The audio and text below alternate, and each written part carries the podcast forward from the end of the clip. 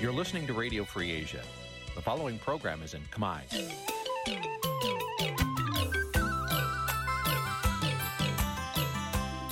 Nǐ chi càm bi tiệp xáy vệt chiu a zì sê ray នេះជាកម្មវិធីផ្សាយរបស់ Vithu Azisari ជាភាសាខ្មែរ វត្តឈូអាស៊ីសេរីសូមស្វាគមន៍លោកអ្នកនាងទាំងអស់ពីរដ្ឋធានី Washington នៃសហរដ្ឋអាមេរិកផ្សាយផ្ទាល់ពីរដ្ឋធានី Washington នាងខ្ញុំសុជីវីសូមជម្រាបសួរលោកអ្នកនាងកំពុងស្ដាប់ការផ្សាយរបស់ Vithu Azisari ទាំងអស់ជាទីមេត្រីយើងខ្ញុំសូមជូនកម្មវិធីផ្សាយសម្រាប់យប់ថ្ងៃច័ន្ទ900ខែចេសឆ្នាំថោះបញ្ញស័កពុរសករាជ2567ចាប់ត្រូវនៅថ្ងៃទី12ខែមិថុនាគ្រិស្តសករាជ2023ជាដំបូងនេះសូមអញ្ជើញលោកអ្នកនាងស្ដាប់ព័ត៌មានប្រចាំថ្ងៃដែលមានមេត្តាដូចតទៅ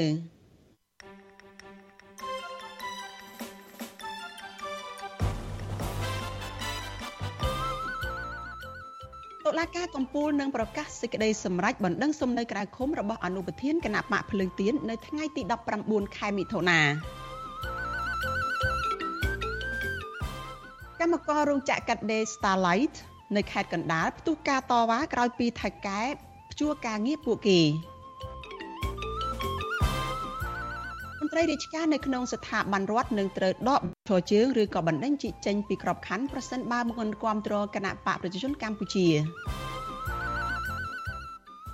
អញ្ញាធរខេត្តកោះកុងបន្តបើកដៃឲ្យជនខិលខូចទន្ទ្រានព្រៃកោងកាងជាច្រើនហិតារួមនឹងព័ត៌មានសំខាន់សំខាន់មួយចំនួនទៀតចាជាបន្តទៅទៀតនេះនាងខ្ញុំសុជីវីសូមជូនព័ត៌មានទាំងនេះពិស្ដា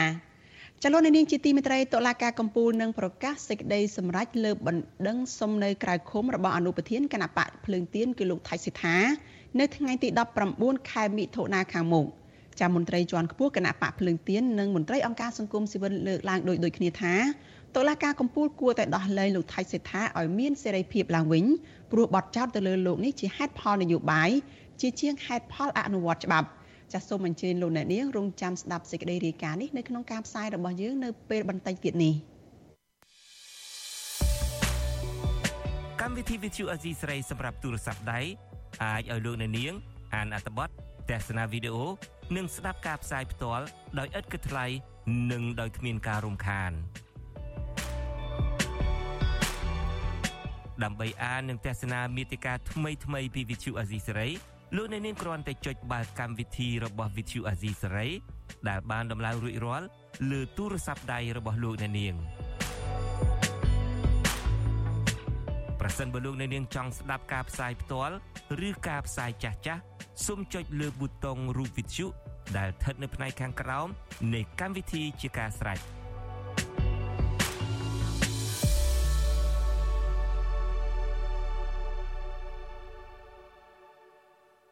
ចាលោកនាងកញ្ញាជាទីមេត្រីចាលោកអ្នកកំពុងស្ដាប់វិទ្យុអាស៊ីសេរីចាដែលផ្សាយចេញពីរដ្ឋធានី Washington សហរដ្ឋអាមេរិកចាយើងមកបន្តតាមដានព័ត៌មានតកតងនឹងការតវ៉ារ៉ាំរ៉ៃរបស់ក្រុមកោតក្រនៅឯក្រុមហ៊ុន Casino Nagavel ចាកោតក្រ Nagavel ប្រមាណ30នាក់នៅរុស្ស៊ីថ្ងៃទី12ខែមិថុនា បន្តធ្វើកោតកម្មដោយសន្តិវិធីនៅខាងមុខក្រុមហ៊ុនបនលបែង Nagavel នៅកណ្ដាលរាជធានីភ្នំពេញពួកគេឈរក្រោមដំណក់ទឹកភ្លៀងដោយដៃកាន់ឆ័ត្រពណ៌ខៀវហើយបានវាយស្គរនិងកាន់បដារូបភាពដែលមានរូបភាពប្រធានសហជីព Nagavel គឺកញ្ញាឈឹមស៊ីធដែលពេលនេះកញ្ញាកំពុងជាប់នៅពន្ធនាគារព្រៃសរចាឆ័ត្រពណ៌ខៀវនោះកោតកោបានសរសេរអក្សរមួយតួមួយតួរៀងគ្នាថា Save LOSU ដែលមានន័យថា សង្គ្រោះសហជីព Nagavel ចកោតកោបានបញ្ជាក់ពីអត្តន័យរបស់ឆ័ត្រនេះគឺសម្រាប់បាំងកម្ដៅថ្ងៃបាំងភ្លៀងទៅដល់កម្មករនយោជិតដែលថៅកែបានកេងប្រវ័ញ្ចឬក៏អតិថិជនរំលោភសិទ្ធិជាដើមហើយពណ៌ខៀវនោះសំដៅទៅលើពណ៌តំណាងរបស់សហជីព Nagavel ចាតំណាងកោតកោ Nagavel ម្នាក់លោកស្រីមុំសវត្ថុនថ្លែងថា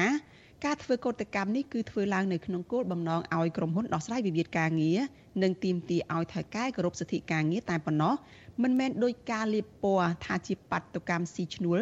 នៅក្នុងគោលបំណងប្រឆាំងរដ្ឋាភិបាលអ្វីនោះទេ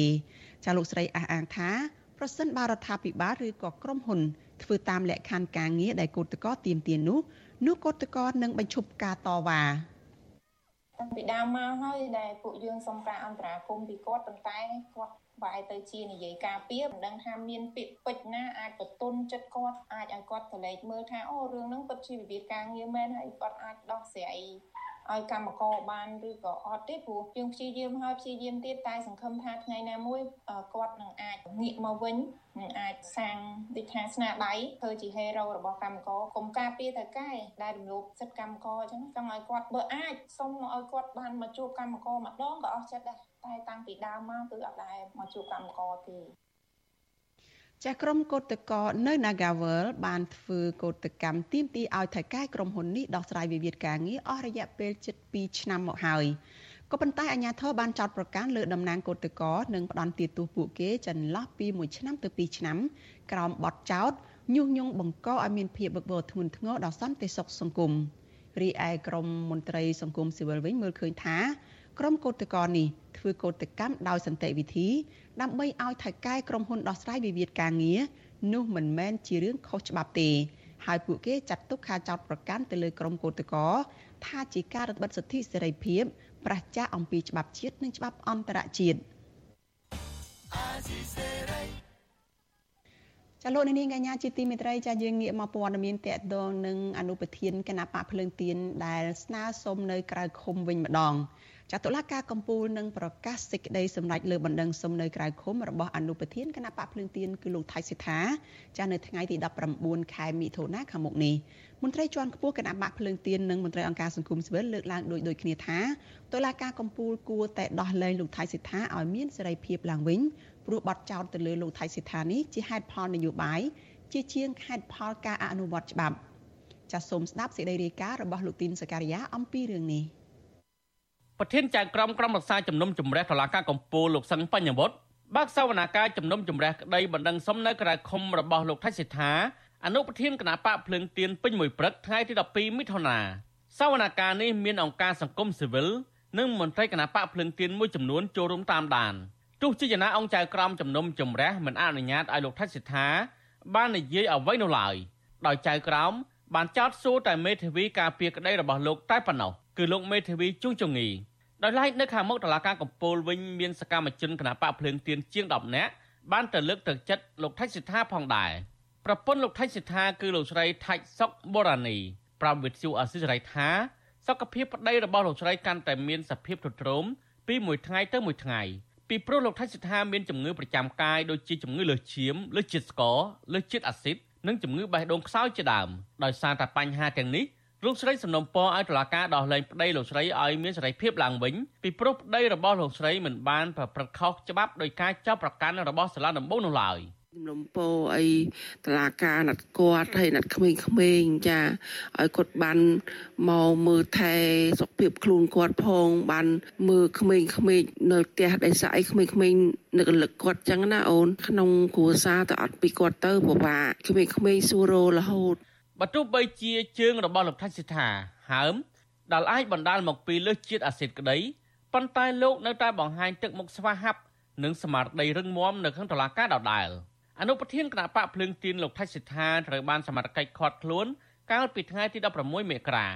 ដោយចោទប្រកាន់ពីបទមិនបំពេញកាតព្វកិច្ចចំពោះឧបករណ៍អាចជួញដូរបានឬចេញសាច់អត់លុយចំនួន5សន្លឹកបន្ថែមពីនេះកាលពីថ្ងៃទី28មេសា ស្លាដំបងរាជធានីភ្នំពេញបានចាប់ប្រកាន់លោកថៃសិដ្ឋាពីបទល្មើសថ្មីពីរទៀតគឺបទញុះញង់បង្កឲ្យមានភាពវឹកវរធ្ងន់ធ្ងរដល់សន្តិសុខសង្គមនិងបទញុះញង់ឲ្យមានការរើសអើងជុំវិញនឹងការបំពេញទស្សនកិច្ចរបស់លោកទៅកាន់ប្រទេសជប៉ុនកាលពីចុងឆ្នាំ2022ផ្ទុយពីការចាប់ប្រកាន់នេះនាយវិភាននយោបាយលើកឡើងថាការខំខ្លួនលោកថៃសិដ្ឋាធ្វើឡើងដោយសារតែរបបលោកហ៊ុនសែនរើសអើងនយោបាយនិងមិនមែនជាការអនុវត្តច្បាប់អ្វីនោះឡើយអនុប្រធានគណៈបកភ្លឹងទៀនលរងឈុន ដែលបានចូលរួមតាមដានសវនកម្មនេះដែរលើកឡើងថាលោកថៃសិដ្ឋាមិនបានប្រព្រឹត្តកំហុសដោយការចាប់ប្រកាន់របស់តុលាការនោះឡើយពីព្រោះពាក្យសម្ដីរបស់លោកថៃសិដ្ឋាដែលគេបានយកទៅផ្សព្វផ្សាយក្នុងពេលលោកធ្វើទស្សនកិច្ចនៅប្រទេសជប៉ុននោះគ្រាន់តែជាការរំលឹកពីប្រវត្តិសាស្ត្រខ្មែរកម្ពុជាក្រោមតែប៉ុណ្ណោះលោកបន្ថែមថាសកម្មភាពលោកថៃសិដ្ឋាក៏មិនបានបញ្ជាក់ពីសកម្មភាពញុះញង់ណាមួយឡើយពីព្រោះតាំងពីលោកមកដល់កម្ពុជាវិញលោកមិនបានគៀកប្រជាពលរដ្ឋ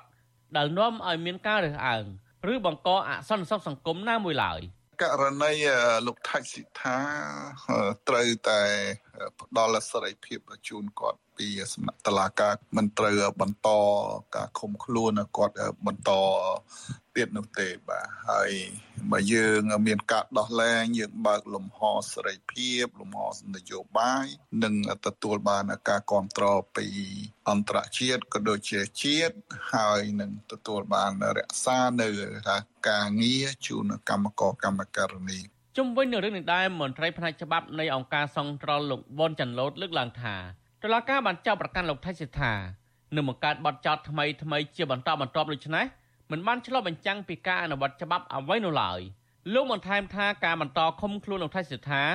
មិនត្រឹមតែបង្ហាញពីការរំលោភសិទ្ធិមនុស្សតែប៉ុណ្ណោះទេក៏ប៉ុន្តែនាំឲ្យគេមើលឃើញថាលទ្ធិប្រជាធិបតេយ្យនៅកម្ពុជា កាន់តែអាក្រក់ផងដែរ បើយើងនិយាយពីនីតិវិធីច្បាប់ការសម្រេចឃុំខ្លួនបណ្ដោះអាសន្នគេត្រូវពិចារណាដិតល្អណាស់ព្រោះអាហ្នឹងវាពាក់ព័ន្ធទៅនឹងសេរីភាពលោកថាថាអ្វីត្បិតតែត្រូវបានចោទកាន់មែនក៏ប៉ុន្តែគាត់អត់បានខ្លាចជាអ្នកទោសទេហើយប្រទេសនេនេលើស្គាល់លោកគឺគេកម្រនឹងយកជនដែលត្រូវចោទហ្នឹងទៅដាក់ពន្ធនាគារណាខ្ញុំឧទាហរណ៍ថ្មីថ្មីមន្ត្រីនៅក្រសួងកសិកម្មខ្មែរដែលសហរដ្ឋអាមេរិកគេចោទប្រកាន់ពីបទជួញដូរសត្វស្វាគេអត់យកទៅឃុំខ្លួនយូរទេ ហើយឥឡូវគេដោះលែងឲ្យនៅ ខាងក្រៅឃុំឃុំទៅក៏ប៉ុន្តែគេមានយន្តការក្នុងការតាមដានប្រព័ន្ធតុលាការនៅកម្ពុជាត្រូវបានគេមើលឃើញថាខ្លាចជាឧបករណ៍នយោបាយរបស់លហ៊ុនសានប្រាច់មុខហើយនៅមុនពេលបោះឆ្នោតជ្រើសតាំងតំណាងរាស្ត្រនៅខែកក្កដាខាងមុខនេះអ្នកទោសនយោបាយមួយចំនួនតែងតែទទួលបានការលើកលែងទោសនិងទទួលបានទោសនទ័យធំធំនៅក្នុងជួររដ្ឋាភិបាលក៏មានឲ្យតែពួកគេសំទោសលហ៊ុនសែនជុំវិញនឹងបណ្ដឹងរបស់លោកថាច់សិដ្ឋាសំនៅក្រៅឃុំវិញ តុលាការកំពូលនឹងប្រកាសសេចក្តីសម្រេចនៅថ្ងៃទី19មិថុនាខាងមុខក៏ប៉ុន្តែការសម្រេចណាមួយរបស់តុលាការកំពូលនោះគេមិនទាន់ដឹងនៅឡើយទេថាតើតុលាការកំពូលនឹងឲ្យលោកថៃសិដ្ឋាបាននៅក្រៅឃុំ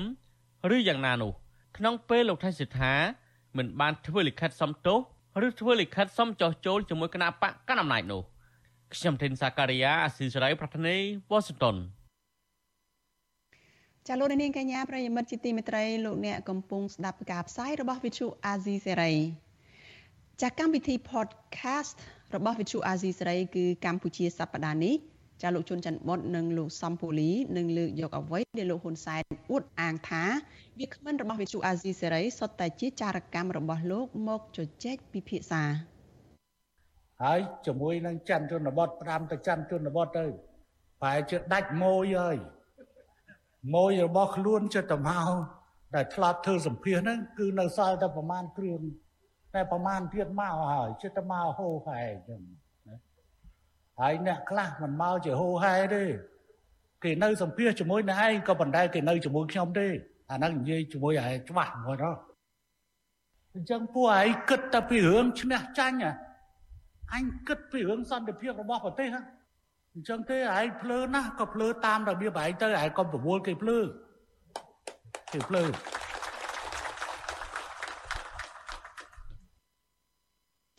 ចតាលោកជុនច័ន្ទបុតនឹងឆ្លើយតបទៅលោកហ៊ុនសែនបែបណា ចំពោះការដែលលោកចោទថាលោកជុនច័ន្ទបុតជាមនុស្សភ្លឺនេះចាសសូមអញ្ជើញលោកនេះរងចាំស្ដាប់នីតិ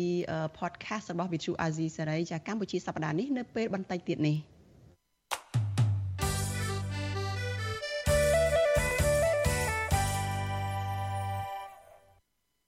ចាលោកនាងជាទីមេត្រីចាព័ត៌មានជាបន្តទៅទៀតនេះចាតកតោនឹងការតវ៉ារបស់ក្រុមក្រុមកម្មករនៅឯរោងចក្រសម្លៀកបំពាក់មួយកន្លែងនៅក្នុងខេត្តកណ្ដាលចាកម្មករបម្រើការនៅឯរោងចក្រកាត់ដេរសម្លៀកបំពាក់ Starlight នៅក្នុងខេត្តកណ្ដាលចាដែលមានចំនួនជិត3000នាក់នៅថ្ងៃទី12ខែមិថុនាចេញតវ៉ានៅខាងមុខរោងចក្រទាមទារឲ្យថៅកែទទួលយកពួកគេធ្វើការងារវិញ ក្រោយដែលថៅកែបានព្យួរការងារពួកគេអស់រយៈពេល2ខែនិងកេងចំណេញកម្លាំងពលកម្មរបស់ក្រុមកម្មករអ្នកខ្លំមើលសិទ្ធិការងារយល់ឃើញថាក្រសួងការងារគួរតែចុះទៅត្រួតពិនិត្យវិវាទការងារនេះឲ្យបានហ្មត់ចត់ដើម្បីដោះស្រាយបញ្ហានេះឲ្យក្រុមកម្មករឲ្យបានឆាប់រហ័សចាសសូមស្ដាប់សេចក្តីរាយការណ៍របស់លោកមានរិទ្ធអំពីរឿងនេះ កម្មករបម្រើការងារនៅរោងចក្រកាត់ដេរ Starlight Apparel ស្ថិតនៅភូមិសេដាឃុំវិហារសួរស្រុកខ្សាច់កណ្ដាលខេត្តកណ្ដាលផ្ទុះការតវ៉ាបន្ទាប់ពីតកែរោងចក្រព្យួរការងារកម្មករប្រមាណ3000នាក់រយៈពេល2ខែ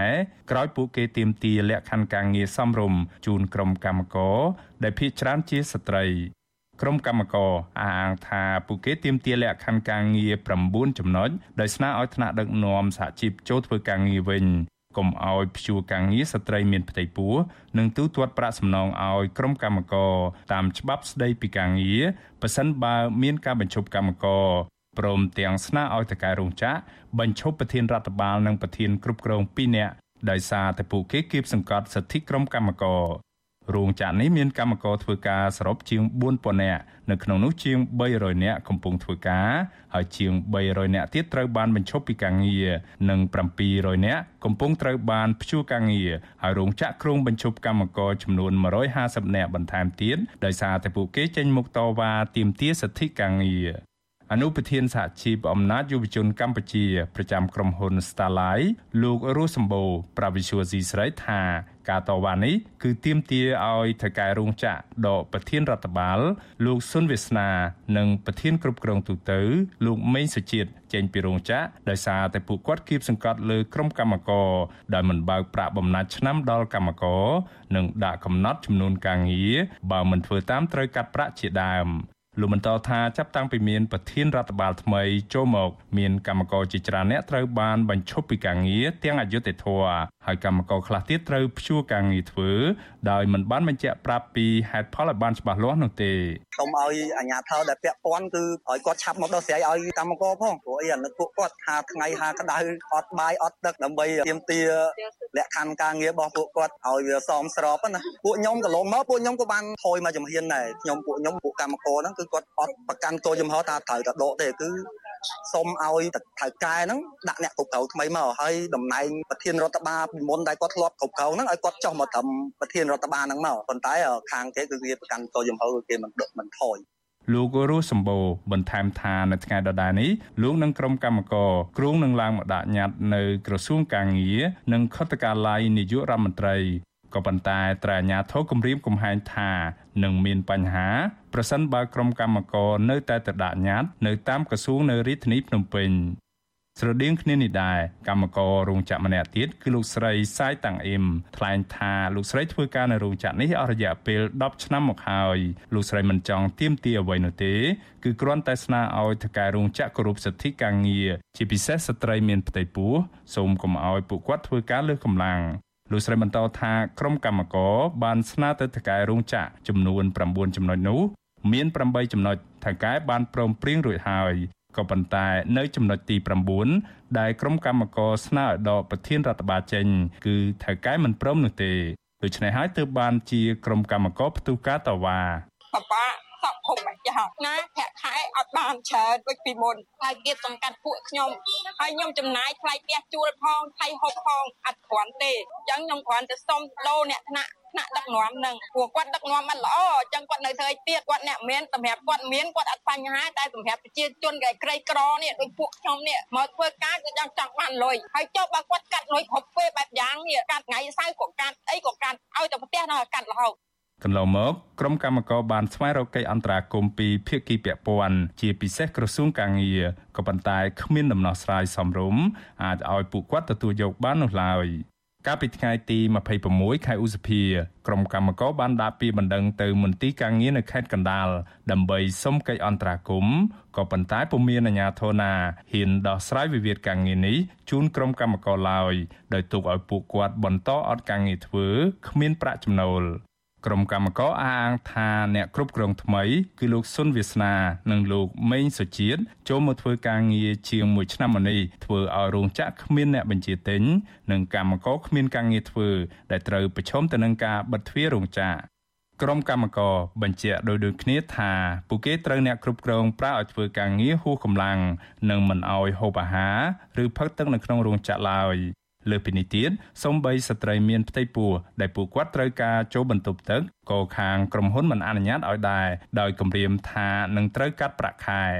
ក្រៅពីនេះទៀតក៏នៅមានការបង្ខំឲ្យក្រុមកម្មករដាក់ពាក្យលាឈប់ដោយខ្លួនឯងនិងព្យួរការងារកម្មករដោយគ្មានការជូនដំណឹងនិងទូទាត់ប្រាក់សំណងតាមច្បាប់ស្តីពីការងារជាដើម វិសុវអាស៊ីស្រីមិនអាចតាក់ទងប្រធានរដ្ឋបាលរោងចក្រកាត់ដេរសម្លៀកបំពាក់ Starlight លោកសុនវាសនា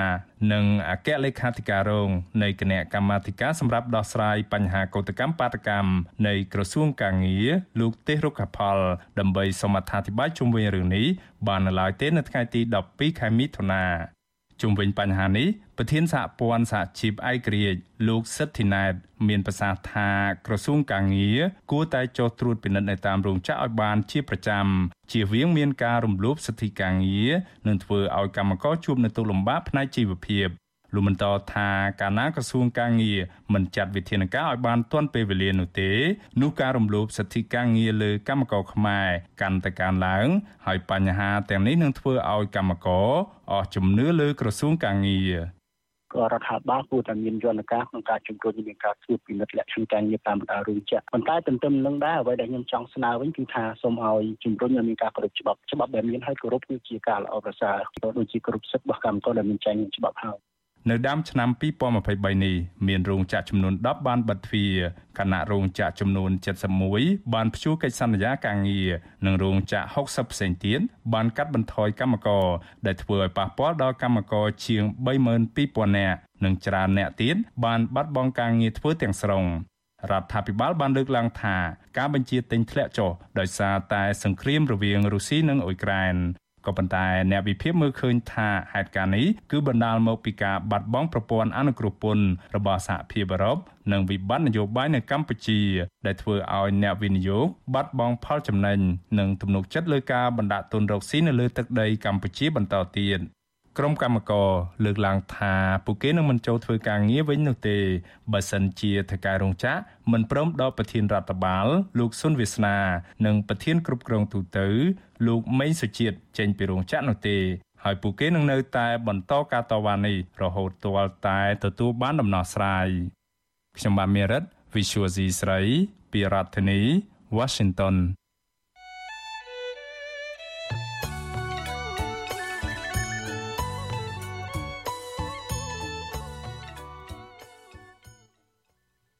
លោកនាងកញ្ញា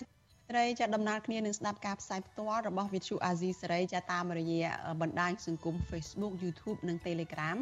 ចាលោកនាងក៏អាចស្ដាប់ការផ្សាយរបស់យើងចាតាមរយៈ Vithu រលកធាតុអាកាសខ្លីចា Post SW តាមកម្រិតនិងកម្ពស់ដូចតទៅនេះពេលព្រឹកចាប់ពីម៉ោង5កន្លះដល់ម៉ោង6កន្លះតាមរយៈ Post SW 12.14 MHz ស្មើនឹងកម្ពស់ 25m និង Post SW 13.71 MHz ស្មើនឹងកម្ពស់ 22m ចាប់ពេលយប់ចាប់ពីម៉ោង7កន្លះដល់ម៉ោង8កន្លះតាមរយៈ post SW 9.33 MHz ស្មើនឹងកម្ពស់ 32m ចាប់ post SW 11.88 MHz ស្មើនឹងកម្ពស់ 25m និង post SW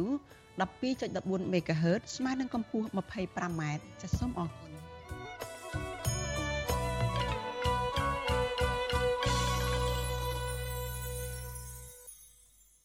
ចាលោកនាងកញ្ញាជាទីមេត្រីសេចក្តីរាយការណ៍ពីខេត្តកោះកុងឯណោះឲ្យដឹងថាការឈូសឆាយនិងការកាប់ទន្ទ្រានដីព្រៃកោងកាង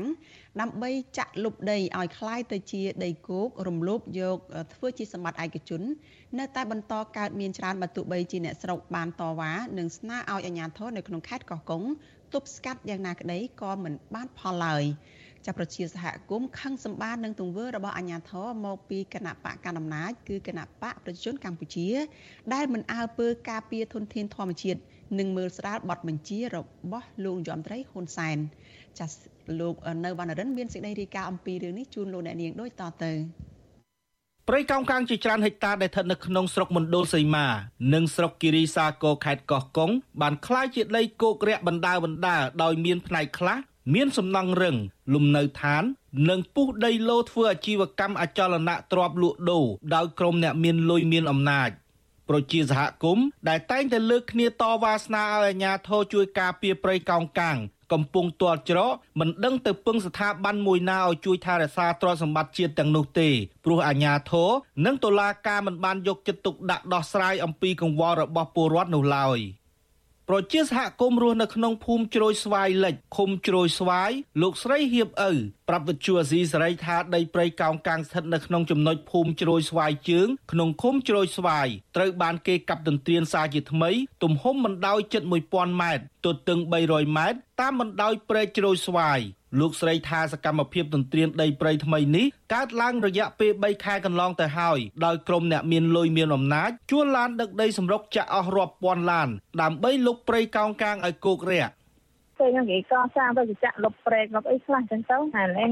ដែលពួកខ្ញុំតបានហ្នឹងក៏គេនៅធ្វើតោមធ្វើចុះឲ្យតទៅទៀតចឹងតែរួចបោះនោះដែរប៉ុន្តែគេធ្វើចឹងគេចាក់ចឹងប៉ុន្តែព្រែកកូនកាហ្នឹងគេខ្លាញ់អស់ហើយវាមូលហេតុតែមួយមូលហេតុមានតែចង់បានដីហ្នឹងមិនគេកាប់ខ្លាញ់យកដីហ្នឹងណា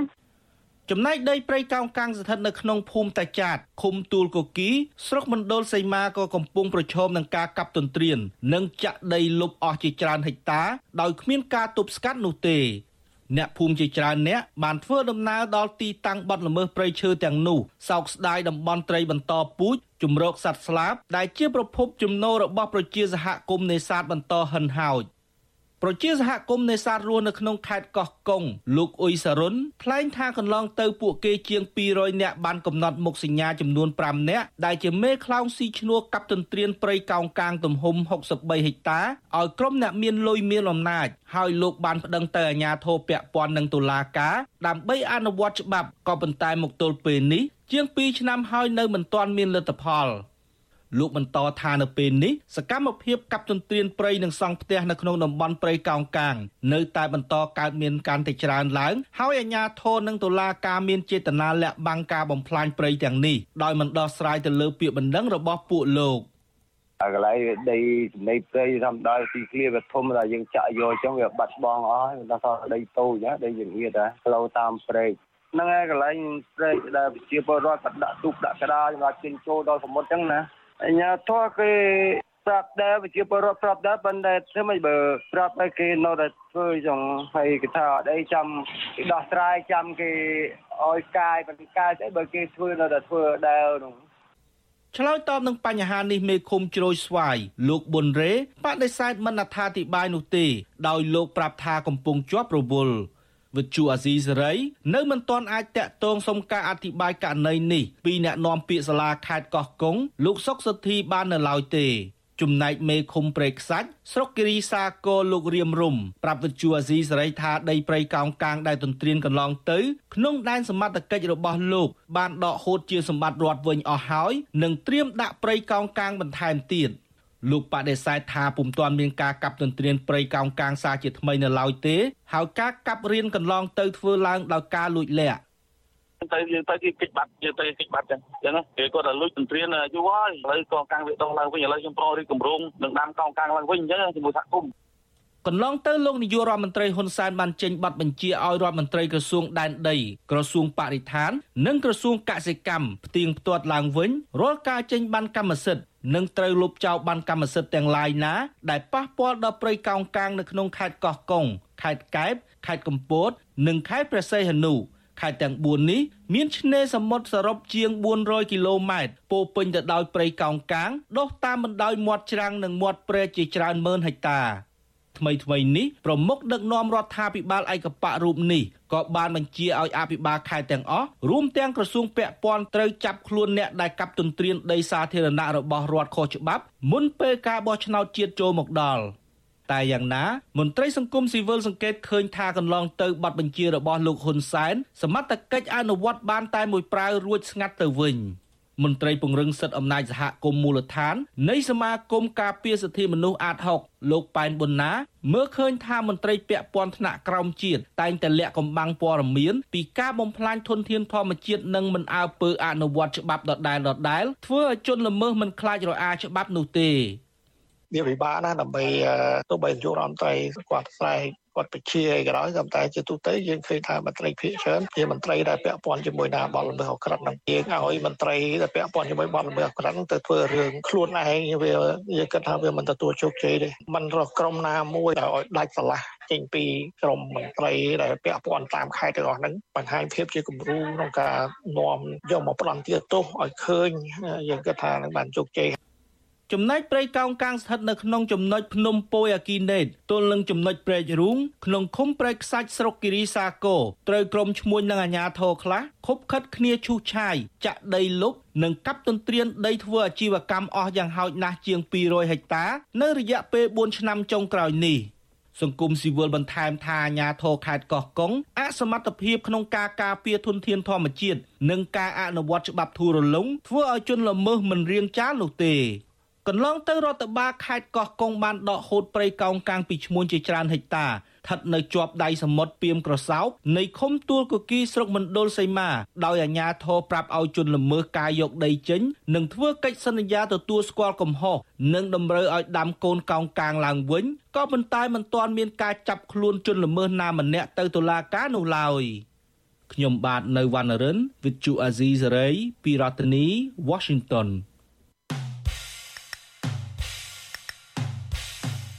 នេតិខ្មែរកម្ពុជាក្រោម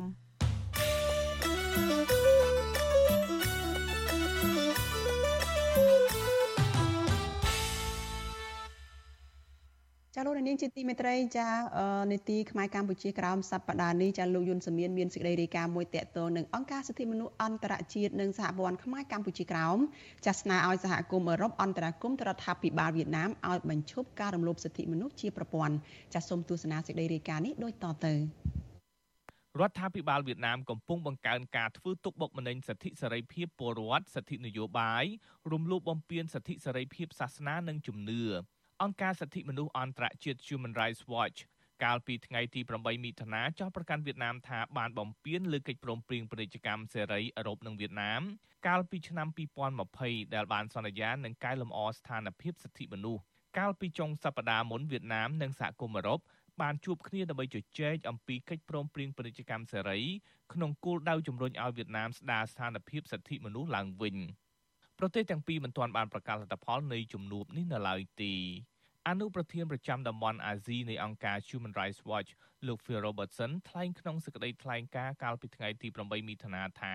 វៀតណាមបានធ្វើផ្ទុយទៅនឹងការបដិញ្ញាចិត្តរបស់ខ្លួនដូច្នេះសហគមន៍អឺរ៉ុបត្រូវពិចារណាចាត់វិធានការច្បាស់លាស់ណាមួយប្រឆាំងនឹងរដ្ឋាភិបាលវៀតណាម ជាជាងចេញសេចក្តីថ្លែងការណ៍ហើយរងចាំវៀតណាមកែខ្លួន កិច្ចព្រមព្រៀងកាលពីឆ្នាំ2020តម្រូវឲ្យវៀតណាមអនុញ្ញាតឲ្យអង្គការសង្គមស៊ីវិលចូលរួមតាមដានការអនុវត្តពាណិជ្ជកម្មសេរី និងដំណើរការអភិវឌ្ឍដោយចីរភាពប៉ុន្តែវៀតណាមបានចាប់ខ្លួនមេដឹកនាំអង្គការសង្គមស៊ីវិលដែលឃ្លាំមើលកិច្ចព្រមព្រៀងវៀតណាមទៅវិញបច្ចុប្បន្នវៀតណាមបានចាប់និងឃុំខ្លួនអ្នកទោសមនសិការច្រើនជាង150នាក់នៅក្នុងពន្ធនាគារវៀតណាមមិនត្រឹមតែធ្វើទុកបុកម្នេញពលរដ្ឋខ្លួនឯងនោះទេ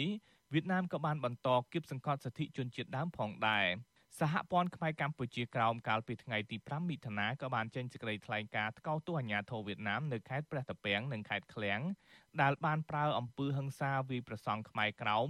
ក្នុងពេលដែលប្រសង់និងពលរដ្ឋខ្មែរក្រោមប្រមូលផ្ដុំគ្នារំលឹកខួប74ឆ្នាំដែលកម្ពុជាបាត់បង់ទឹកដីកម្ពុជាក្រោមកាលពីថ្ងៃទី4ខែមិថុនាកន្លងទៅ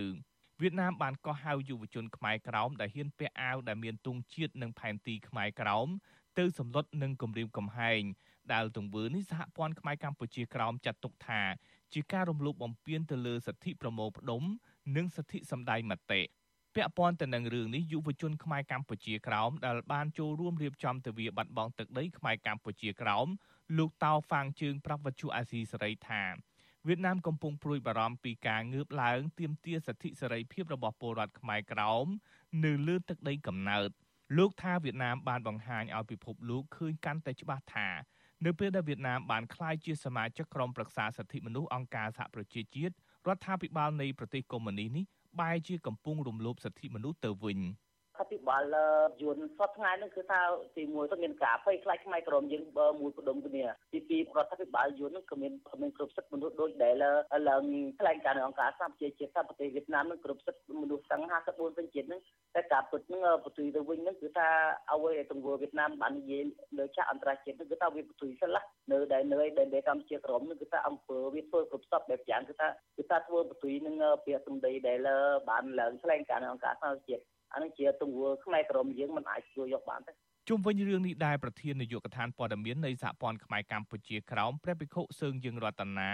បានស្នើឲ្យអង្គការសហប្រជាជាតិអង្គការសិទ្ធិមនុស្សនិងស្ថាប័នពាក់ព័ន្ធជំរុញឲ្យវៀតណាមគោរពសិទ្ធិជំនឿរបស់ខ្មែរក្រោមនិងបើកឱកាសឲ្យខ្មែរកម្ពុជាក្រោមមានសិទ្ធិធ្វើពិធីជាប្រវត្តិសាស្ត្រដោយគ្មានការភ័យខ្លាចនិងគៀបសង្កត់និងបញ្ឈប់ជាបន្ទាន់នៅការកោះហៅข่មខ្លួន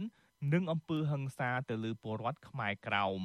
បរដ្ឋខ្មែរក្រមជាម្ចាស់ស្រុកចិនជាតិដើមក៏មានសិទ្ធិសេរីភាពនៅក្នុងការគោរពប្រតិបត្តិជំនឿសាសនាប្រពៃណីទំនៀមទម្លាប់និងបិណ្ឌប្រវត្តិសាស្ត្ររបស់ខ្លួនក៏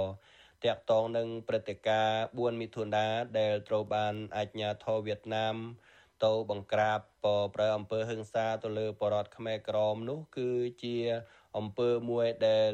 រើសអើងពូជសាសន៍បហើយនឹងធ្វើទុកបុកម្នេញចំពោះបរតខ្មែរក្រមនៅដែនដីកម្ពុជាក្រមដែលពួកគាត់ហ៊ានក្រោកតស៊ូរំលឹកឡើងវិញនៅប្រវត្តិសាស្ត្រដ៏ឈឺចាប់របស់ខ្លួននឹងពដូច្នេះសហព័ន្ធខ្មែរកម្ពុជាក្រមសូមអំពាវនាវដល់រដ្ឋាភិបាលវៀតណាមត្រូវតែគោរពសិទ្ធិចំពោះបរតខ្មែរក្រមដែលរៀបចំទិវា4មិថុនាព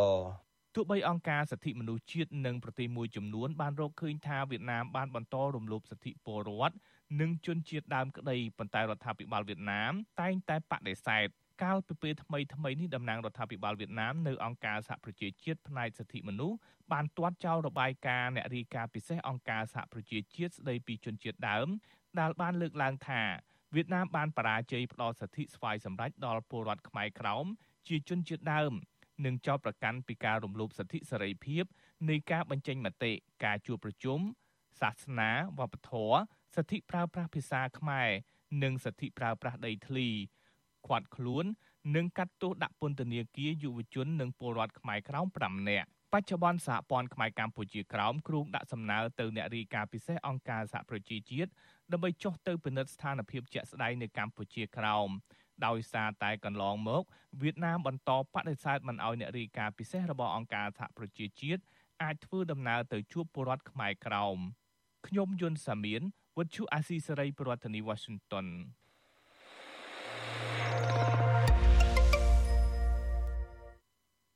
ចាលោកនាងកញ្ញាជាទីមេត្រីចាកម្មវិធីដែលលោកអ្នកទន្ទឹងរង់ចាំនោះបានមកដល់ហើយចាគឺកម្មវិធី podcast កម្ពុជាសប្តាហ៍នេះរបស់ Vithu Azizi Serai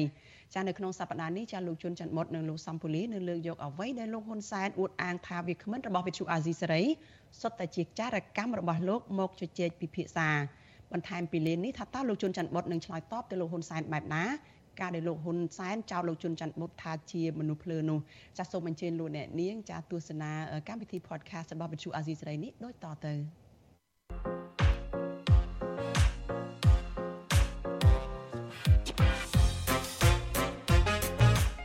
កម្ពុជាសប្តាហ៍នេះនេះគឺជាកម្មវិធី podcast របស់ Vuthu Azizi Serai ជំរា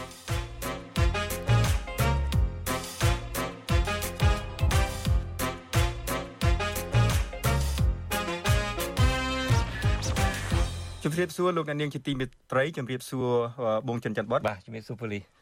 សូមស្វាគមន៍លោកអ្នកនាងជាទីមេត្រីនិងបងប្អូនប្រជាពលរដ្ឋខ្មែរយើងទាំងអស់ទូទាំងពិភពលោកមកចូលស្ដាប់កម្មវិធី podcast របស់ Vuthu Azizi Serai កម្ពុជា សប្តាហ៍នេះបាទនេតិ podcast របស់ Vithu Azisrey កម្ពុជាសប្តាហ៍នេះនាសប្តាហ៍នេះយើងមានកិត្តិយសដែលមានការចូលរួមពីលោកជំទាវមូសុខួរដែលជាអនុប្រធានគណៈបកសង្គ្រោះជាតិបាទយើងខ្ញុំទាំងពីរសូមជម្រាបសួរលោកជំទាវបាទជម្រាបសួរលោកជំទាវមូសុខួរបាទជំរាបសួរអរគុណដែលបានឲ្យខ្ញុំធ្វើជាវាគ្មិនស្ត្រីជាលើកដំបូងមុនគេបាទបាទ អរគុណច្រើនណាស់លោកជំទាវដែលបានចូលរួមក្នុងនីតិ podcast របស់យើងបងច័ន្ទបុតយ៉ាងម៉េចទៅខ្ញុំឮថាឥឡូវហ្នឹងចារកម្មរបស់សម្ដេចហ្នឹងគឺថាមាននៅគ្រប់កន្លែងទាំងអស់ហើយតាមពិតទៅខ្ញុំធ្លាប់ខ្ញុំធ្លាប់ឮថាបងជុនច័ន្ទបុតហ្នឹងក៏ធ្លាប់ជាចារកម្មរបស់គាត់ដែរនឹងឯលោកនាយករដ្ឋមន្ត្រីហ៊ុនសែនអឺសម្ដេចគុកអឺប្រហែលថ្ងៃមុននឹងមិនដឹងទៅហេតុអីគាត់នឹងគាត់ចាប់ផ្ដើម និយាយដូចជាអាណិតខ្ញុំដំបងឡាយមកអាណិតថាអើយមួយបោះខ្ញុំនឹងប៉ុន្តែគាត់លែងហៅឈ្មោះខ្ញុំចំហើយមិនដឹងតើតើយ៉ាងម៉េចទេគាត់ហៅខ្ញុំជំនួសហៅ ឈ្មោះត្រឹមត្រូវថាជុនច័ន្ទបុតគាត់ហៅថាច័ន្ទជុនបុតច័ន្ទជនបុតបាទគាត់ថាប្រកាសអីបងជនច័ន្ទបុតប្រកាសអីនឹងប្រកាសជាបងហ្នឹងហើយតិចតែគេនិយាយអ្នកណានោះយើងយកមកដាក់ខ្លួនគាត់ថាហ្នឹងហើយពីព្រោះនៅនឹងគាត់គាត់និយាយថាអាស៊ីសេរីដែរនោះអាស៊ីសេរីអូអស្ចារ្យមែនអស្ចារ្យមែនបាទនៅអាស៊ីសេរីមានអ្នកណាមាន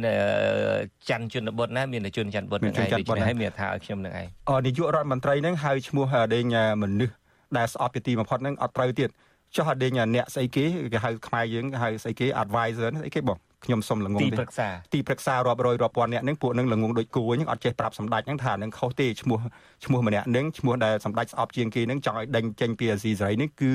ជុនច័ន្ទបុតជុនច័ន្ទបុតជុនច័ន្ទបុតបើសិនជាខ្ញុំនិយាយ10ដងប្រហែលជាសម្ដេចអាចលឺហើយនិយាយត្រូវចាប់ពីពេលនេះតទៅ តាមពិតគាត់និយាយខុសទៅញយនឹងកាលពីដែលគាត់ជាប់ចោតខ្ញុំថាជាគិញសម្ងាត់របស់គាត់នៅស៊ីដនីនឹងនៅប្រទេសអូស្ត្រាលីនឹងគាត់ហៅជុនច័ន្ទបុត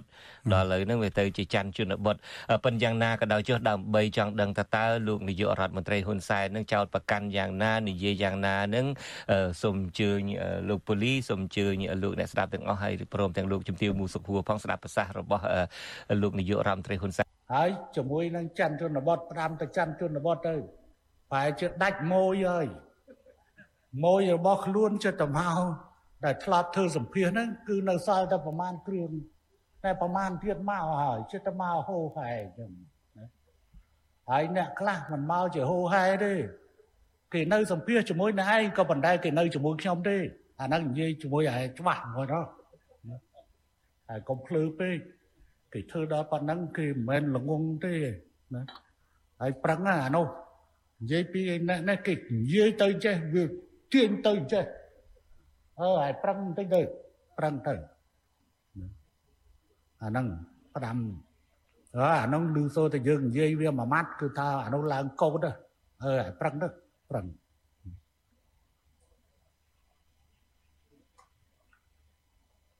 និយាយពីអរិយណានេះមួយថាលោកហ៊ុនសែនថាវាយតម្លៃមិនដែលខុសទេស្រាប់តែអានោះលើកឆ្កុយមកថាលោកហ៊ុនសែនធ្លាប់វាយតម្លៃខុសនៅឆ្នាំ93ឆ្នាំ98ថា2013យើងសូមប្រាប់ទៅអាភ្លើឯងឲ្យបានច្បាស់ការគិតគូរវាយតម្លៃនៅទីនេះមិនមែនវាយតម្លៃត្រឹមតែបញ្ហាឈ្នះឆ្នោតឬចាញ់ឆ្នោតទេ បញ្ហាតាក់ទងជាមួយសន្តិភាពអាភ្លើបើវាភ្លើណាណាគឺថាលោកហ៊ុនសែនវាយតម្លៃមិនដែលខុសប៉ុន្តែហ៊ុនសែនធ្លាប់វាយតម្លៃខុសឆ្នាំ93និង9និង2013អញ្ចឹងពួកឯងគិតតែពីរឿងឈ្នះចាញ់អញគិតពីរឿងសន្តិភាពរបស់ប្រទេសណា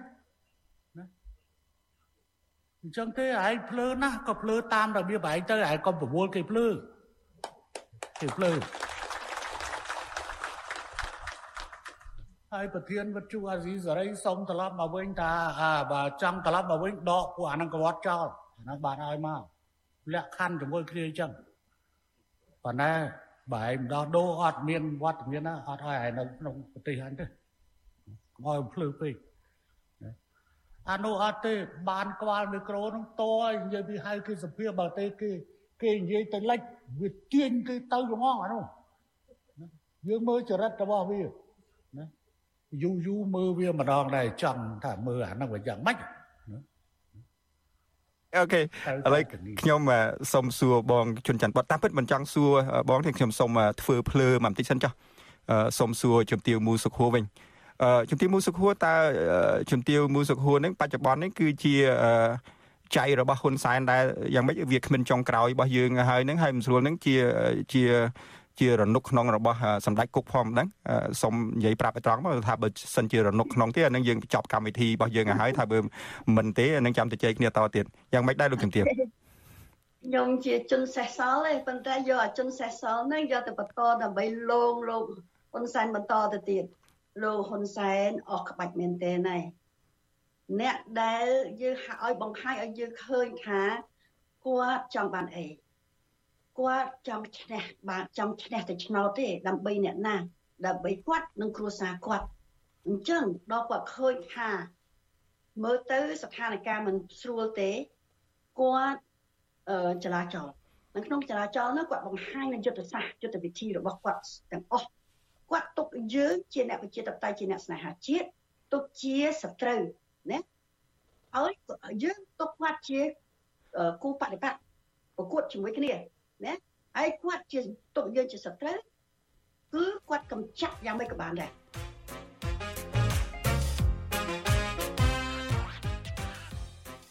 ឥឡូវម្នាក់ម្នាក់ហ្នឹងសិតតែជាចារកម្មរបស់គាត់អស់ហើយបូករួមទាំងបងជុនច័ន្ទបុតនឹងដែរតើវាយ៉ាងម៉េចទៅមកដល់ពេលនេះបាទមុននឹងឆ្លើយសំណួរនឹងអ្វីដែលគាត់អះអាងទី1នឹងថាមួយមួយនឹងមានន័យថាអ្នកដែលជុនច័ន្ទបុតនឹងសម្ភាសនឹងគឺថារត់ទៅខាងគាត់អស់ហើយហើយគាត់ចោទថាយើងនឹងភ្លឺមិនដឹងអីសូម្បីតែអ្នកដែលសម្ភាសពីមុនមកនឹងក៏ជាមនុស្សរបស់គាត់ហើយអ្នកដែលនៅសល់ប្រមាណនឹងក៏ជាចារកម្មរបស់គាត់ស្មានតែយើងមិនដឹងអ្នកដែលមកសម្ភាសជាមួយយើងនឹងមាននិន្នាការទៅខាងណាឥឡូវឥឡូវកុំឲ្យកុំឲ្យយើងនឹងគិតថាយើងមិនភ្លើសុំសួរជំទាវមូសុខហួរមើលអឺលោកជំទាវធ្លាប់ធ្វើការជាមួយបងជុនច័ន្ទបតធ្លាប់ស្គាល់គ្នានឹងគាត់នឹងអាចភ្លើដូចនាយករដ្ឋមន្ត្រីហ៊ុនសែននឹងនិយាយមែនអត់ទេលោកជំទាវទុយទៅវិញលោកជុនច័ន្ទបតនឹងឆ្លាតពេកនិយាយមួយម៉ាត់គាត់ឆ្លើយមួយម៉ាត់មកយើងហើយឆ្លើយឆ្លើយមួយម៉ាត់ដោយមានខ្លឹមសារដែលធ្វើឲ្យយើងគិត អាហ្នឹងឯងដែលសុចាខ្ញុំនៅរាប់អានជនច័ន្ទបុតមែនទែនរាប់អានក្នុងនាមដូចជាក្មួយអញ្ចឹងក្មួយដែលចេះមានការពិចារណាសម្រាប់ប្រទេសជាតិឲ្យមានសំទោសលោកជំទាវគាត់សំទាវលោកជំទាវគាត់អាយុ60ហើយនៅក្មួយដល់ណាទៀតខុសគ្នាខាងយ៉ាងតាពីខ្ញុំស្គាល់គាត់គាត់នៅក្មេងដែរបាទបើវងកញ្ចក់ទីខ្ញុំក៏ស្គាល់លោកជំទាវកាលពីលោកជំទាវនៅក្មេងដែរតាំងពីមុនហក់ចូលនយោបាយមកតាំងពីនៅធ្វើការ UN ជាមួយគ្នា អញ្ចឹងអត់ភ្លើទេឥឡូវយើងយើង establish អានឹងចេញយើងនិយាយឲ្យត្រឹមត្រូវទៅថាជនច័ន្ទបុតនឹងអត់ភ្លើទេ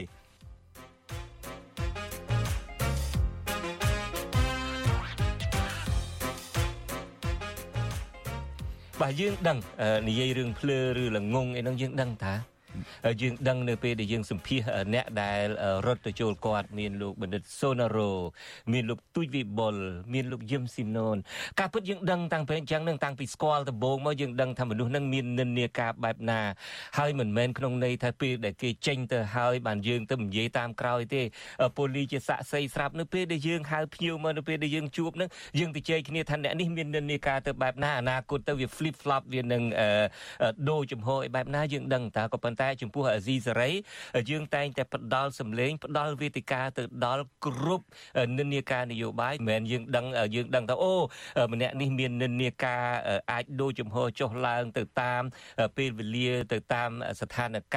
គាត់អីចឹងទៅក្នុងក្នុងពេលជាមួយគ្នានឹងក៏យើងមិនចង់លៀបពណ៌គេដែរយើងចង់ផ្ដល់ឱកាសឲ្យគេព្រោះយើងគិតថាអ្វីដែលយើងសន្និដ្ឋានអ្វីដែលយើងស្មានអ្វីដែលយើងវិភាគអាចខុសអញ្ចឹងយើងកុំនិយាយយើងកុំលៀបពណ៌គេឲ្យសោះនេះគឺជាសិលធម៌មួយជាវប្បធម៌មួយរបស់អាស៊ីសេរីមានទោះបីអ្នកនឹងបង្ហាញយើងយ៉ាងម៉េចក៏ដោយយើងថាត្រូវតែរក្សាភាពស្ងៀមស្ងាត់យើងត្រូវតែឲ្យតម្លៃគេបាទហើយជាវាគ្មិនរបស់យើងទុកតែមាននិន្នាការបែបណាទុកតែយើងដឹងប្រវត្តិបែបណា យើងដឹងថានឹងទៅបែបណាទៅថ្ងៃអនាគតហើយភាកច្រើនយើងគិតមិនខុសប៉ុនក្រដោយពូលីលើកអញ្ចឹងយើងមិនដែលលៀបពណ៌គេទេក៏ប៉ុន្តែក្នុងផ្ទៃក្នុងយើងដឹងទាំងអស់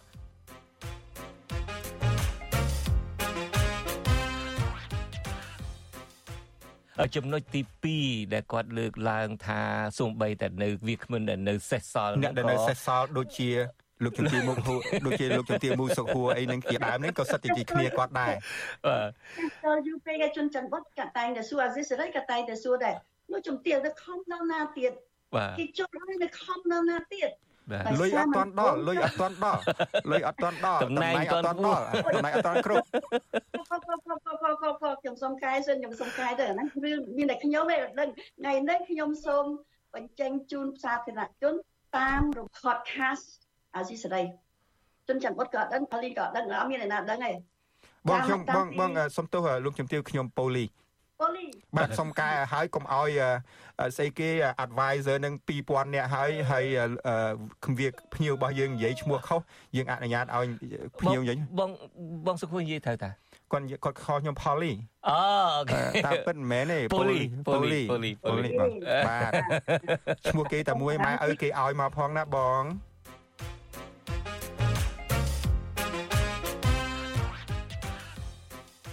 ខ្ញុំ ខ្ញុំខ្ញុំចេះថៃបន្តិចបន្តួចព្រោះខ្ញុំធ្លាប់នៅអរ៉ាញ់ណាខ្ញុំស្ដាប់ទូរទស្សន៍ថៃពីថ្ងៃហ្នឹងគេប្រតិកម្មទៅលើលោកហ៊ុនសែនដែលថាគណៈបក Move Forward នឹងបណ្ដេញពលកខ្មែរលើសុខខ្មែរណាមកសុខខ្មែរវិញណាទូរទស្សន៍ថៃគេថាគុណនេះបាជិងជិងលើយបាមានគាត់នេះឈួតមែនតើមកពួកខ្ញុំចេះចេះថៃប៉ុណ្ណឹងដែរ ចាយើងធ្វើដល់នយោបាយម្ដងម្ដងទៀតមើលខ្ញុំខ្ញុំខ្ញុំខ្ញុំខ្ញុំខំរៀនតាមផងមួយមួយថាម៉េចគុណនេះគុណនេះគឺលោកនេះណាលោកនេះគុណនេះគាត់នេះគាត់នេះបាទបាទក៏ឈួតបាទจริงจริงเลยจริงจริงเลยคุณคุณហ៊ុនសែនบ้าจริงๆเลยอ่าจ้ายังไทยต่อยัง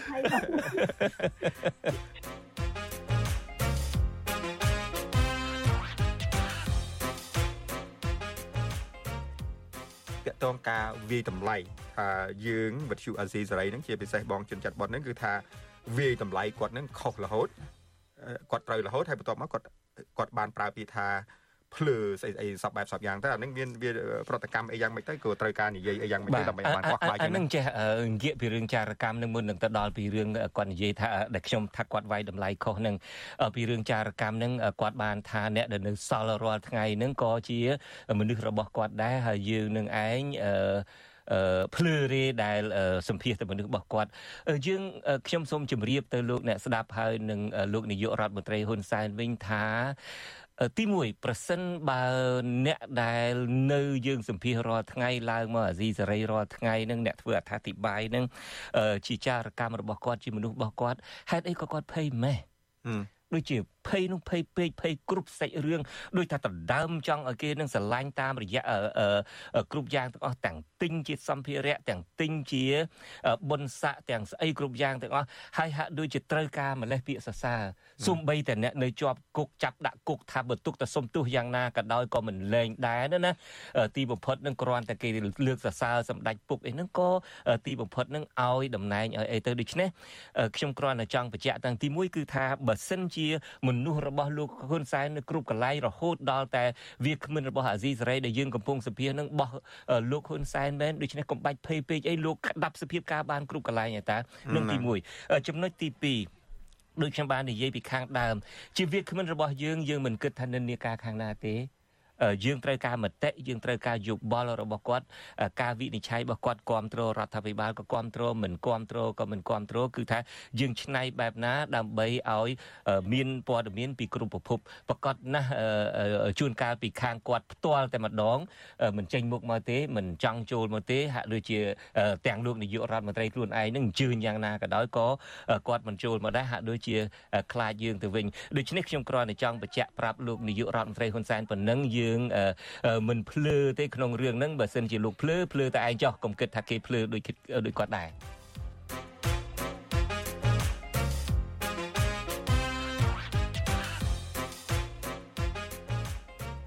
រឿងតាក់ទងថា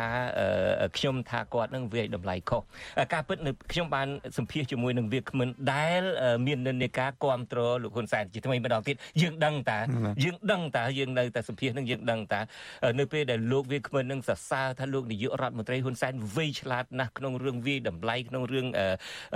ទប់ទល់នឹងស្ថានភាពខ្ញុំក៏ផ្ដល់ព័ត៌មានទៅវិញផ្ដល់ព័ត៌មានទៅវិញថាតាមពិតបើយើងមើលប្រវត្តិសាស្ត្រវិញលោកនាយករដ្ឋមន្ត្រីហ៊ុនសែនមិនដែលវាយតម្លៃត្រូវគ្រប់ពេលទេ ការវាយតម្លៃនៅឆ្នាំ1993ដែលបោះឆ្នោតអីនឹងធ្វើត្បិតតែលោកប្រើអំពើហិង្សាសម្លាប់មនុស្សហើយមិនមែនខ្ញុំចោទទេគឺការស្រាវជ្រាវឃើញថាការស្រាវជ្រាវឯករាជ្យពីអង្គការសហប្រជាជាតិឃើញថាលោកនាយករដ្ឋមន្ត្រីហ៊ុនសែនគណៈបកប្រជាជនកម្ពុជាឬមួយរដ្ឋកម្ពុជាពេលនឹងជាអ្នកដែលនៅពីក្រោយការធ្វើគិតកម្មនយោបាយមនុស្សរាប់រយអ្នកពេលនោះយ៉ាងណាក៏ដោយចុះទីបំផុតគាត់ក៏នៅចាញ់ឆ្នោត 2013ក៏គាត់វាយតម្លៃខុសម្ដងទៀតនៅពេលដែលគាត់អនុញ្ញាតឲ្យលោកសំរងស៊ីចូលទៅហើយដល់គាត់គិតថាគាត់វាយតម្លៃពេលហ្នឹងបើយើងចាំពាក្យគាត់គ្រប់គ្នាគឺថាក្រមសង្គ្រោះជាតិគឺជាព្យុះក្នុងក្អមទេអានោះក៏ជាការវាយតម្លៃខុសរបស់គាត់ដែរគាត់ប្រើពាក្យថាព្យុះក្នុងក្អមទេក៏ប៉ុន្តែទីបំផុតមិនមែនព្យុះក្នុងក្អមឯណាធ្វើឲ្យលោកហ៊ុនសែនខ្លួនឯងគណៈបកប្រជាជនកម្ពុជាខ្លួនឯងហ្នឹងគឺរៀបតែនឹងបាត់បង់ តំណែងទៀតផងហើយបើតាមការចោទប្រកាន់ពីខាងគណៈបកសង្គ្រោះជាតិវិញថាបើសិនជាការរាប់ឆ្នោតត្រឹមត្រូវបើសិនជាគោជបនឹងឯករាជ្យគេឈ្នះបាត់ទៅហើយមិនមែនមកនៅត្រឹមបាន50ផ្លាយកៅអីនោះទេដូច្នេះអាអស់នេះហើយគឺជាខ្ញុំលើកព្រឹត្តិការណ៍លើក fact លើកព័ត៌មានទៅវិញហើយអានឹងហើយដែលធ្វើឲ្យលោកនាយករដ្ឋមន្ត្រីខឹងក៏ប៉ុន្តែតាមពិតគាត់ទទួលស្គាល់ទេគាត់មិនប្រកែកថាការវាយតម្លៃរបស់ខ្ញុំនឹងខុសទេគាត់គ្រាន់តែថា លើកពាក្យមួយទៀតលោកពូលីនៅចាំទេគាត់លើកពាក្យថាអាភ្លឺគេមិនមែនគ្រាន់តែគិតពីរឿងចាញ់ឈ្នះទេគេគិតពីរឿងសន្តិភាពសន្តិភាពហើយពូលី លោកហ៊ុនសែនឯណាដែលគិតពីរឿងសន្តិភាពនៅពេលដែលគាត់បោះឆ្នោតចាញ់ឆ្នាំ93តើយើងឃើញមានបដិកាយខ្លះហ្នឹងគាត់សម្លាប់អ្នកនយោបាយគាត់ចាប់ផ្ដើមបំបែកប្រទេសជាពីរទុកតែប្រទេសនឹងហើយជាពីរក៏គាត់ព្រមដែរអានឹងមានរឿងសន្តិភាពពីណាលោកហ៊ុនសែនឯណាអ្នករៀបចំសន្តិភាពអ្នកគិតពីរឿងសន្តិភាពគាត់គិតតែពីឈ្នះតើបើសិនជាមិនឈ្នះទេអ្វីក៏ដោយក៏គាត់ហ៊ានធ្វើដែរគាត់ត្រូវបំផ្លាញចោលដែរ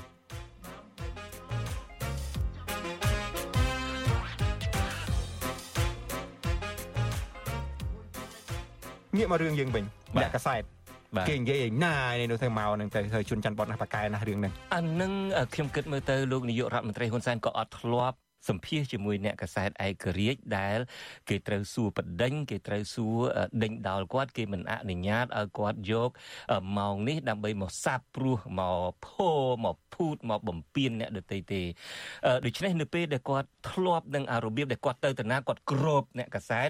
គាត់ហៅអ្នកកសែតមកដើម្បីផ្សាយអ្វីដែលគាត់ចង់ផ្សាយបំពងសម្លេងការមូលបកាច់ការភូតភោរបស់គាត់ការរំលោភបំពានរបស់គាត់ឲ្យកែឲ្យមកត្រូវអីជាដើមហ្នឹងគាត់ធ្លាប់នឹងប្រភេទហ្នឹងណាដល់គាត់ឃើញរបៀបខ្ញុំដែលខ្ញុំមិនអនុញ្ញាតឲ្យវាគ្មិននឹងប្រើប្រាស់វេទិកានឹងដើម្បីមើលងាយអ្នកដទៃដើម្បីលើកខ្លួនឯងឬមួយក៏ដើម្បីជួយបន្តសារឃោសនាណាមួយជាដើម គាត់ចោទថាអាមួយហ្នឹងគឺថាគេនិយាយលេចហ្នឹងវាទាញមកតំណេះអីចឹងទៅសូមជម្រាបលោកនាយករដ្ឋមន្ត្រីវិញថានេះគឺជាការងាររបស់អ្នកកសែតហើយអ្នកកសែតដែលមិនខ្លាចអ្នកនយោបាយអ្នកកសែតដែលមានជំហររបស់ខ្លួនគឺគេធ្វើអញ្ចឹងបើសិនជាលោកនាយករដ្ឋមន្ត្រីអត់យល់ពីបញ្ហានឹងទេបើលោកនាយករដ្ឋមន្ត្រីភ្លើទេភ្លើខ្លួនឯងទៅកុំនាំគេភ្លើដែរ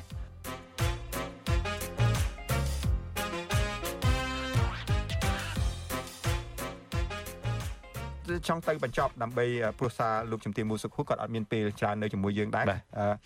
ចំណុចចុងក្រោយគាត់និយាយម្ដងហើយម្ដងទៀតឥឡូវនេះគាត់និយាយជាសាធារណៈម្ដងទៀតអាស៊ីសេរីអត់ឲ្យសិទ្ធមកបើកវិទ្យុស្របច្បាប់នៅប្រទេសកម្ពុជាទេទាល់តែដេញមនុស្សមួយចំនួនចេញហើយមនុស្សនៅមួយចំនួនដែលនាំមុខគេហ្នឹងគឺធ្វើឲ្យលសើបជាងគេហ្នឹងគឺជន់ច័ន្ទបុតហ្នឹងហើយចុះជន់ច័ន្ទបុតនេះក៏នៅតដាបតដួសយ៉ាងណាទៀតគេឲ្យមួយលានពីរលានមិនយកឲ្យទៅបាត់ទៅលោកការពិតពូលី ខ្ញុំអ្នកទាំងអស់គ្នាដឹងហើយថាខ្ញុំមានជំងឺខ្ញុំត្រូវព្យាបាលរៀងរាល់សប្តាហ៍ក្រោយពេលសព្យាបាលម្ដងម្ដងនឹងគឺថាវិលឯងចាក់ទីងហ៊ីងហោងអីចឹងទៅ តែងតែគិតថាចង់ទៅជែកជាមួយពូលីនឹងអនុញ្ញាតឲ្យខ្ញុំបានឈប់ទៅហើយពូលីនឹងកុំអើកែពាក្យណាមានម្ដងនោះព្រមថាព្រមឲ្យឈប់ហើយក៏ប៉ុន្តែឥឡូវវាអត់ចង់ដូចចិត្តចង់ដូចចិត្តថាអត់ឈប់វិញពីព្រោះថានៅពេលដែលលោកនាយករដ្ឋមន្ត្រីហ៊ុនសែនដូចចង់តែដេញចោលអញ្ចឹងដូចចង់ ចង់ផ្ដឺក៏ដែរចង់ឌឺចង់ឈ្នះដែរខ្ញុំខ្ញុំសម័យឃើញអញ្ចេះទេសម័យបើសិនជាថ្ងៃណាមួយជន់ច័ន្ទបុតហើយនឹងសម្ដេចគុកនឹងកាន់ដៃគ្នាអីជុលស្រាយគ្នាមួយទៅប្រហែលជាអាចល្អសម្រាប់ប្រទេសកម្ពុជាយើងដែរមើលទៅមានអីបើលោកហ៊ុនសែនសុកចិត្តដូររបៀបធ្វើការរបស់គាត់សុកចិត្តអនុញ្ញាតឲ្យប្រទេសកម្ពុជានឹងមានការបោះឆ្នោតដោយត្រឹមត្រូវអនុញ្ញាតឲ្យសម្ភារសិនអីបានហើយទេបានទេ គាត់ថាជន់ច័ន្ទបតហ្នឹងក៏ខ្លាចក៏កំសាកមិនហ៊ានឲ្យមកអ្វីដែលខ្ញុំចង់និយាយចំណុចនេះអ្វីដែលខ្ញុំចង់និយាយចំណុចនេះអង្កលពីនៅស៊ីដនីប្រហែលឆ្នាំមុនហ្នឹងចោតជន់ច័ន្ទបុតហ្នឹងថាជាគេងសម្ងាត់ស្រាប់តែឥឡូវហ្នឹងចង់ឲ្យគេដេញច័ន្ទជន់បុតហ្នឹងចេញហើយបើគេដេញចេញពីអាស៊ីសេរីទៅមិនខាតទេយកគិញរបស់ខ្លួនដែលកំពុងនៅស៊ើបការអាស៊ីសេរីហ្នឹងហើយបដិញចេញពីអាស៊ីសេរីហ្នឹងមិនខាតទេលោកលោកហ៊ុនសែន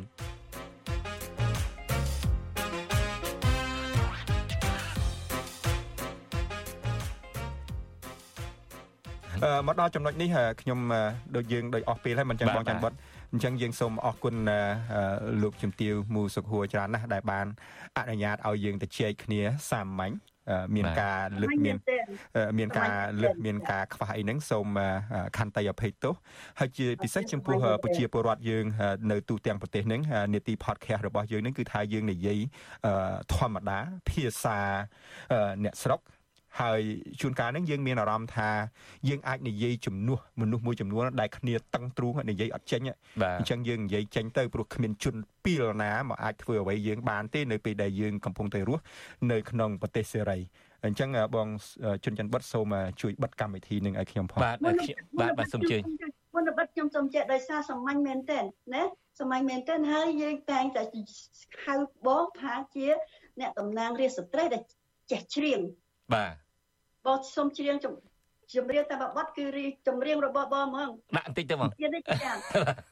ជនជាតិខ្មែរកើតនៅលើដីខ្មែរទៅតែយើងតែជាតិឲ្យបានរុងរឿងគេឈួងជាតិនឹងបានតុងតែលោកតាតែយើងចេញតែរាំ